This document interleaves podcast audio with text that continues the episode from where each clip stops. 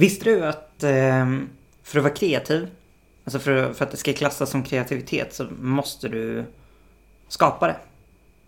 Du kan inte bara tänka det utan du måste skapa det. Ehm, tänker du bara, eller tänker en originell grej, då skulle det kunna vara fantasi. Men det kan aldrig vara kreativitet på det sättet. I alla fall inte enligt eh, Wikipedias definition. Det tycker jag, det, det slog mig eh, ganska hårt idag.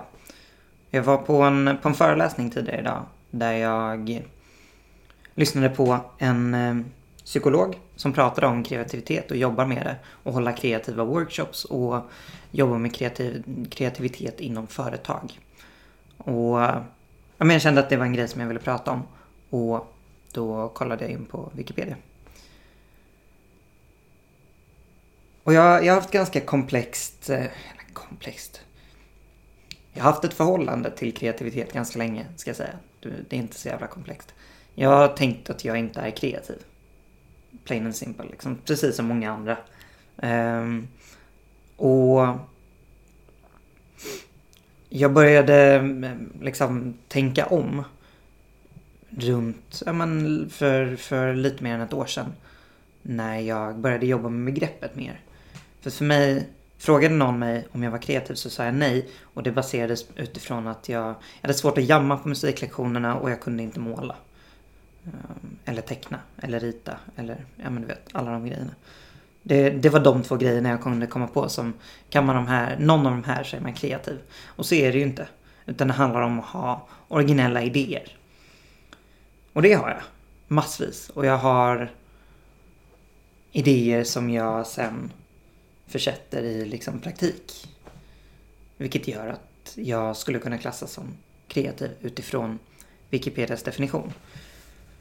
Och anledningen till att jag ville prata om det här så, så gärna var framförallt för att jag vet att den här föreställningen förekommer ganska ofta. Det är inte bara jag som har gått med den här att nej jag är inte kreativ för att jag inte kan rita.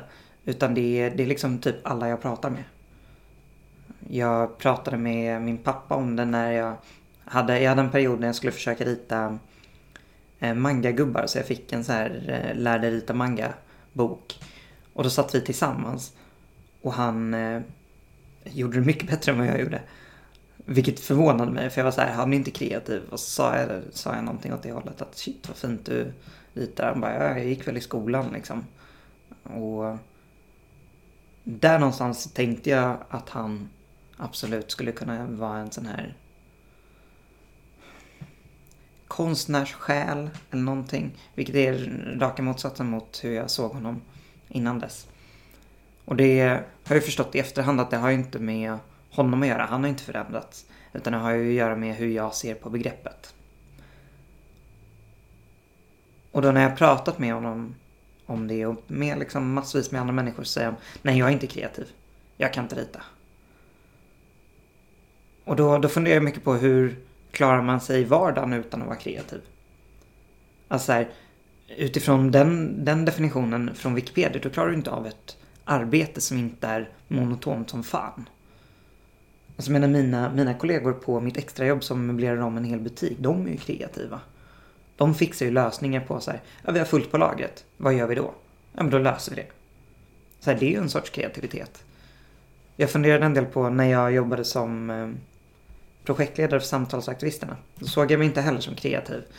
Men det var ju samma där. Jag löste ju problem på ett originellt sätt eller utan att ha den kunskapen om hur jag kunde lösa det problemet sen innan. Vilket gör att man kan se det som kreativitet. Och då, då finns det liksom flera olika sorters kreativitet som vi måste ta i beaktning när vi pratar om kreativa personer. Och det är så här, jag kan absolut kalla mig för kreativ person. Det är inte, jag har inget problem med det men jag skulle inte göra det instinktivt. För att jag, det är ingenting som jag definierar mig för, eller som. Utan det är nog mer en egenskap som jag har och inte tänker på. Och då på den här föreläsningen med den här psykologen så han pratade en del om hur man låser upp liksom, kreativiteten i folk och hur man jobbar med grupper som ska komma i, eller som, liksom, i kreativa processer. Vi pratade en del om företag som sitter på brainstorming-sessioner och liksom ja men ni vet de här post-it-lapparna och hela den grejen. Och där kreativitet faktiskt handlar om att tänka utanför ramen, utanför boxen. Och tänka i nya originella vägar liksom. Du behöver göra, han, han pratade mycket utifrån hjärnan och hur du liksom har starka kopplingar mellan olika eh, neuroner. Vilket gör att du har minnen och gör liksom att du har så som du brukar funka. Eh, reaktioner och så som, som du brukar, dina go-to till, alltså go-to reaktioner så att säga. Och go-to lösningar. Och det är de du vill komma ifrån om du ska vara kreativ. Liksom. Och då, är, då hade han ett par övningar som, som gjorde att man låser upp dem. Och börjar använda nya eh, vägar i hjärnan helt enkelt. Avslu eller, avslutande fråga för idag blir på vilket sätt är du kreativ och på vilket sätt tänker du annorlunda kring kreativitet efter det här?